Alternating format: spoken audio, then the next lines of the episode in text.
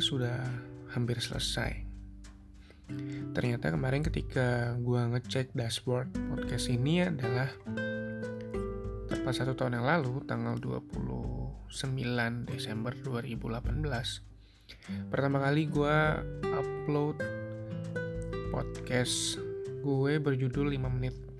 Sebuah sebenarnya sebuah adaptasi dari tulisan yang pernah gue tulis di blog semacam sajak itu gue upload sebagai bentuk tes pertama sih sebenarnya. Agak salah membuka podcast diisi dengan sajak. Begitu juga dengan kedua gitu. Jadi officially podcast gue baru dimulai itu di podcast ke upload ketiga. Karena di upload ketiga tuh gue baru perkenalan dan memperkenalkan diri soal gue dan podcast ini gitu. Selama satu tahun podcast Lautnya Tengah Malam ada ternyata tanpa sadar mengubah diri gue secara pribadi dan mungkin beberapa pendengarnya. Uh, ini terlihat dari proses yang gue rasakan dan kalau bisa dilihat memang podcast ini belum terencana dengan sangat baik gitu. Karena segmen-segmennya pun juga masih terbilang acak. Dan banyak sekali segmen yang jatuhnya uji coba. Tapi kita lihat apa yang memang sudah podcast ini hasilkan selama satu tahun ini. Pertama dulu gue mau buka dengan sajak karena maksudnya memang gue mau coba menarasikan dan mengadaptasikan tulisan-tulisan yang pernah gue tulis di blog lalu gue coba untuk apa ya uh, maksudnya seperti kayak musikalisasi puisi cuma jatuhnya agak fail ya. Uh, ya pada saat itu karena gue belum punya bahan gitu terus uh, mungkin lu bertanya-tanya soal nama podcast kenapa namanya celoteh tengah malam? To be honest, gue adalah orang yang gak pernah bisa ngasih nama sebuah project ataupun nama sebuah uh, sebuah kegiatan. Bahkan gue pernah bilang sama temen gue bahwa kayaknya kelak nanti kalau gue punya anak proses gue menemukan nama untuk anak gue ini akan lama banget gitu. Ya karena untuk brainstorming sebuah nama project aja gue bisa butuh waktu mungkin sekitar satu bulan hingga pada akhirnya nama uh, itu ada gitu. Karena buat gue nama itu adalah sebuah branding. Lalu nama celoteh tengah malam itu muncul begitu saja karena memang di apa ya di podcast yang keempat kalau nggak salah. Kalau nggak salah ya. Gue mulai rutin untuk rekaman podcast ini tuh tengah malam. Kenapa tengah malam? Karena memang kegiatan gua sehari-hari saat itu hanya memungkinkan gue untuk merekam podcast di tengah malam. Karena itu adalah waktu yang tepat untuk uh, eh, gue merekam podcast setelah seharian bekerja lalu uh, baru tiba di rumah sekitar pukul 1 atau 2 dini hari. Uh, dan kalau bisa dibilang tengah malam itu waktu yang tepat untuk jujur ternyata ini menjadi sebuah pembiasaan gitu. Karena bahkan ketika hadir beberapa narasumber pun baik via telepon ataupun baik via langsung ya kami ngobrolnya juga tengah malam. Kayak pertama kali kayak gue ngobrol untuk menghadirkan narasumber itu ketika ngomongin Twitter deh ngomongin Twitter itu kalau nggak salah bareng senior gue uh, Selixa. Saat itu kami ketemu memang waktu sudah malam hari sekitar pukul 11 kalau nggak salah uh, di daerah Senayan. Dan pada akhirnya pada saat itu gue minta untuk uh, menjadi narasumber di podcast dan akhirnya ngobrol di uh, salah satu restoran fast food di Senayan. Literally tengah malam tengah malam sekitar jam 12 saat itu ya itu kayak sebuah pola yang terbentuk. Karena pada saat itu pun juga dia bisanya juga malam after after office gitu. Begitu juga di telepon ketika memang uh, ngobrolin hidup. Ngobrolin hidup itu memang uh, janji-janji yang udah gue buat via telepon memang kebanyakan narasumber itu bisanya tengah malam gitu. Uh, entah karena kesibukan ataupun juga jam yang enak untuk ngobrol ya tapi secara nggak langsung tengah malam itu menjadi pilihan tepat untuk memang saling berbicara jadi kenapa pada akhirnya podcast ini jadi namanya Kyoto Tengah Malam gitu. harapannya juga memang ke depannya tengah malam ini menjadi waktu yang tepat untuk bisa saling berbicara Lalu kenapa sih pada akhirnya seorang Raka memilih untuk podcast? Kenapa nggak YouTube? Ya kan? Kenapa nggak TikTok? Karena satu gue bosan dengan media sosial yang ada gitu kayak Twitter, Instagram. Gue merasakan kayak sudah mulai jadi orang tua yang males untuk merencanakan apa ya merencanakan sebuah konten tanpa sebuah tujuan mungkin gitu. Uh, malas untuk buka dan scroll uh, Twitter Instagram. Bahkan sejak lulus SMA eh, ya ya awal-awal kuliah gue sudah berhenti untuk main Facebook. Jadi memang uh, udah malas dan bosan aja dengan media sosial mainstream Uh, lalu yang kedua, ini banyak yang nggak tahu soal ini sih, tapi sejak gua kelas 1 SMP, gua adalah pendengar radio. Dan sejak saat itu, gua bertekad untuk bisa jadi penyiar radio gitu. Kalau bisa flashback kelas 1 SMP itu uh, radio yang sering gue dengar adalah 88,4 Global FM.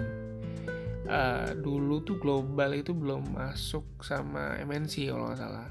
Jadi masih independen sendiri.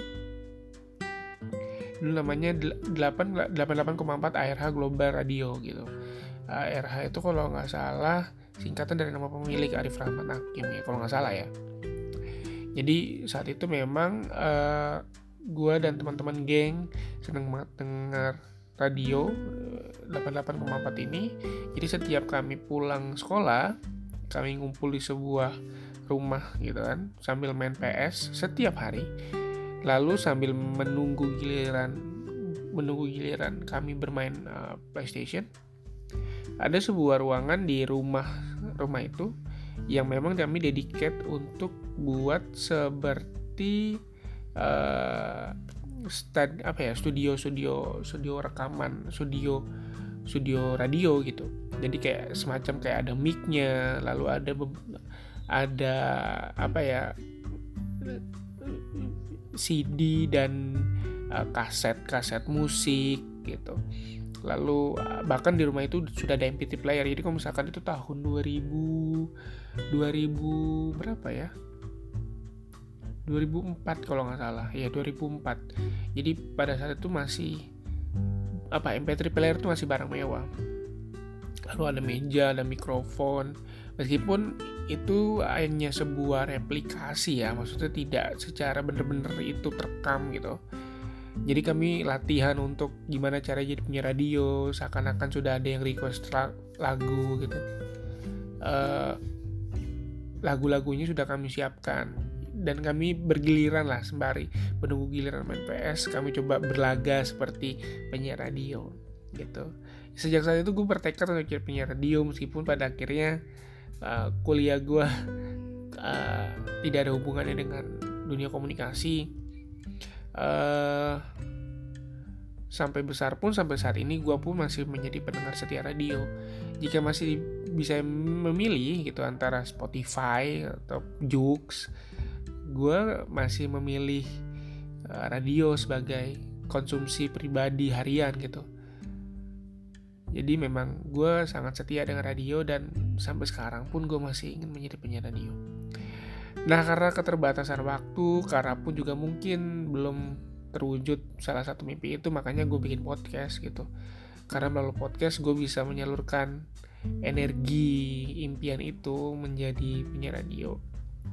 Karena memang basically gue doyan ngomong, uh, gue suka untuk sharing, uh, suka untuk bisa berbicara banyak tentang sebuah topik ataupun tema yang tema yang ditentukan. Jadi itu yang kedua ya, gak banyak orang yang tahu soal ini juga. Mungkin teman-teman lama gue kalau misalkan dengar podcast ini dia akan teringat mimpi-mimpi kami dulu gitu. Itu yang kedua, yang ketiga uh, alasan ketiga adalah gue pada dasarnya suka menulis. Kalau mungkin teman-teman lama gue bahkan taunya gue adalah seorang blogger gitu. Uh, gue punya beberapa blog yang aktif, tapi pada akhirnya lupa ya. Gue mulai dari punya blogspot, uh, gue punya dulu namanya Tumblr, uh, lalu sekarang yang tersisa itu tinggal medium. Dan medium itu masih uh, masih sedikit lah update-nya. Meskipun itu ya memang masih aktif hingga hari ini. Tapi dengan keterbatasan waktu dan uh, apa ya gue merasa makin lelah aja untuk bisa buka laptop dan menulis gitu. Uh, jadi ide-ide yang selama ini muncul di kepala uh, lalu gue coba catat di buku catatan. Rasanya sayang kalau tidak dikeluarkan dalam bentuk sebuah media yang uh, bisa dinikmati gitu jadi ketika gue merasa punya keterbatasan dalam menulis gue coba ubah ide-ide tersebut menjadi bentuk audio dalam podcast gitu uh, tiga alasan tadi adalah tiga alasan yang mengap menjadikan podcast Loto Tengah Malam ini tetap konsisten hingga satu tahun terakhir ini gitu. makanya beberapa rekan sempat sempat kaget melihat wih ternyata podcastnya Raka sudah cukup banyak ya. Uh, tapi kalau misalkan bisa di track ditarik track record ke belakang bahwa memang podcast ini tidak terencana dengan baik gitu. Nggak punya waktu khusus kapan uploadnya. Temanya juga masih agak berantakan fokusnya masih belum jelas karena memang podcast Loto Tengah Malam ini dijadikan wadah untuk seperti buku diari mungkin jadi ini memang tidak ditargetkan untuk konsumsi komersial gitu. Tapi memang beberapa masukan menjadikan proses pembuatan podcast menjadi sangat dewasa gitu. Uh, tadi sempat gue mention bahwa podcast Lota Tengah Malam ini mengubah hidup gue dan mungkin mengubah beberapa pendengarnya. Semenjak gue mulai rutin untuk membuka segmen soal ngobrolin hidup gitu. Tapi lucunya gini lucunya soal segmen ini adalah dulu diawali dengan uh, melimpahnya kuota bonus telepon sih. Kuota bonus telepon gue di di salah satu provider cukup banyak. Lalu gue coba lempar uh, lempar sebuah pertanyaan di Instagram. Siapa yang bisa ada waktu untuk gue telepon kita ngobrol banyak soal soal banyak hal. Uh, bisa dicantumkan nomor teleponnya pada saat itu.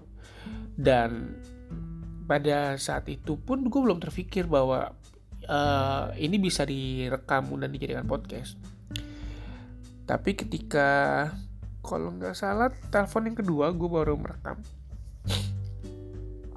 Uh, ketika gue coba untuk rekam untuk pembicaraan kami dan tentunya sesuai dengan persetujuan lawan bicara.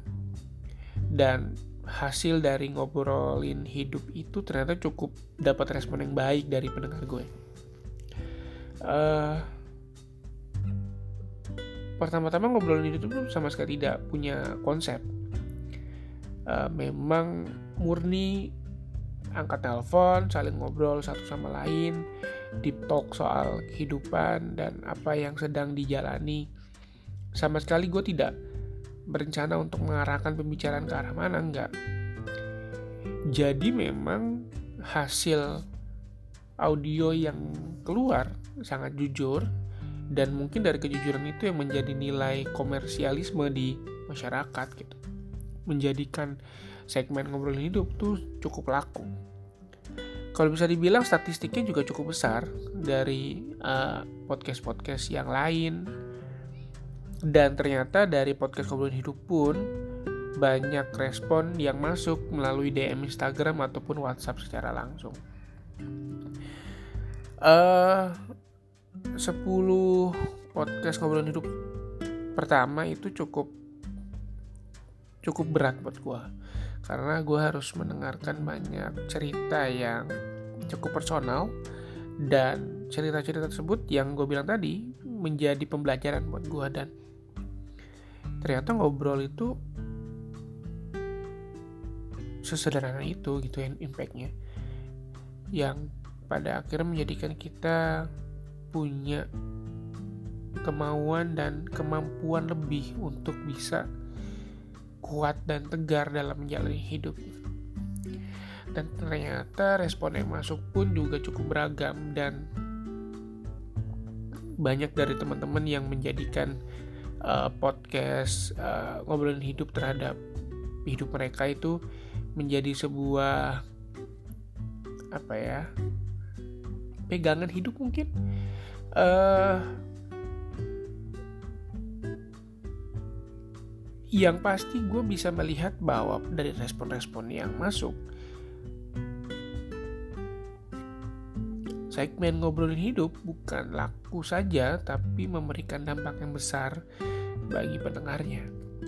Makanya gue mulai konsisten dengan segmen ini dan uh, beberapa hari terakhir uh, beberapa minggu ini mungkin ada format baru dari ngobrolin hidup yaitu ngobrolin hidup live di mana gue mendatangi narasumber secara langsung, bertemu, bertatap muka, ngobrol secara langsung dan ternyata ini jauh lebih besar dampaknya bagi gue terutama. Karena dari sini gue benar-benar belajar untuk mendengarkan dan merespon uh, topik yang dilemparkan baik ini secara sensitif dengan sangat dewasa gitu.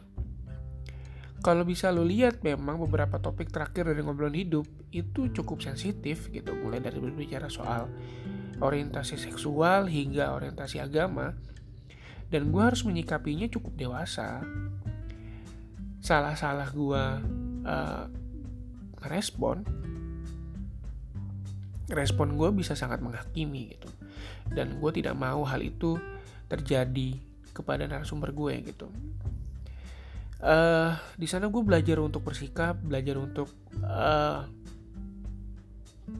merespon dan yang lebih mengagetkan lagi ternyata respon pendengar gue justru sangat positif.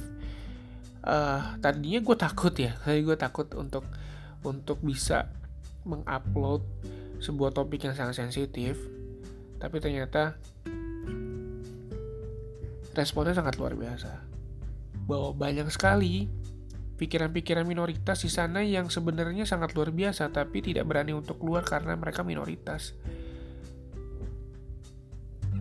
Padahal itu ada di sekitar kita.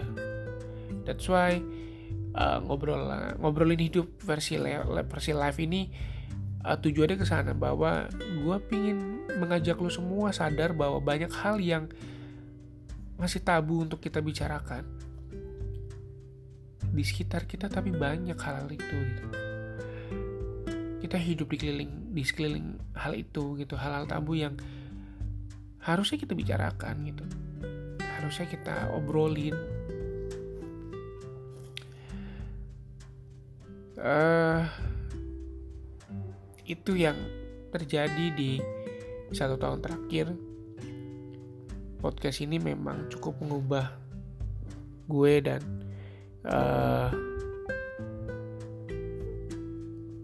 menjadi sebuah momentum bagi gue untuk bisa belajar berkomunikasi dengan baik, uh, belajar menyusun rencana konten dengan baik, uh, artikulasi berbicara juga gue pelajari dengan baik. Dan ini mungkin yang menjadi pertanyaan banyak orang. Raka ini bikin podcast caranya gimana sih? Kalau narasumber gue pasti tahu kok cara bagaimana cara gue bikin podcast. Uh, itu hanya modal telepon record secara manual tanpa sebuah editing dan langsung masuk ke sebuah platform yang namanya Anchor. Uh, tambahkan musik sedikit, langsung upload. Bukan karena gue gak punya tools untuk mengedit, tapi karena memang gue malas aja gitu. Gue gak punya waktu banyak untuk bisa uh, full edit gitu. Karena gue sadar betul ketika gue melakukan editing, uh, gue orangnya sangat perfeksionis dan gue punya standar uh, kelayakan yang cukup tinggi. Jadi gue tidak mau meribetkan diri gue terhadap hal-hal tersebut gitu. Ya udahlah apa adanya diupload aja gitu. Cuma memang ini menjadi evaluasi untuk podcast ini gitu.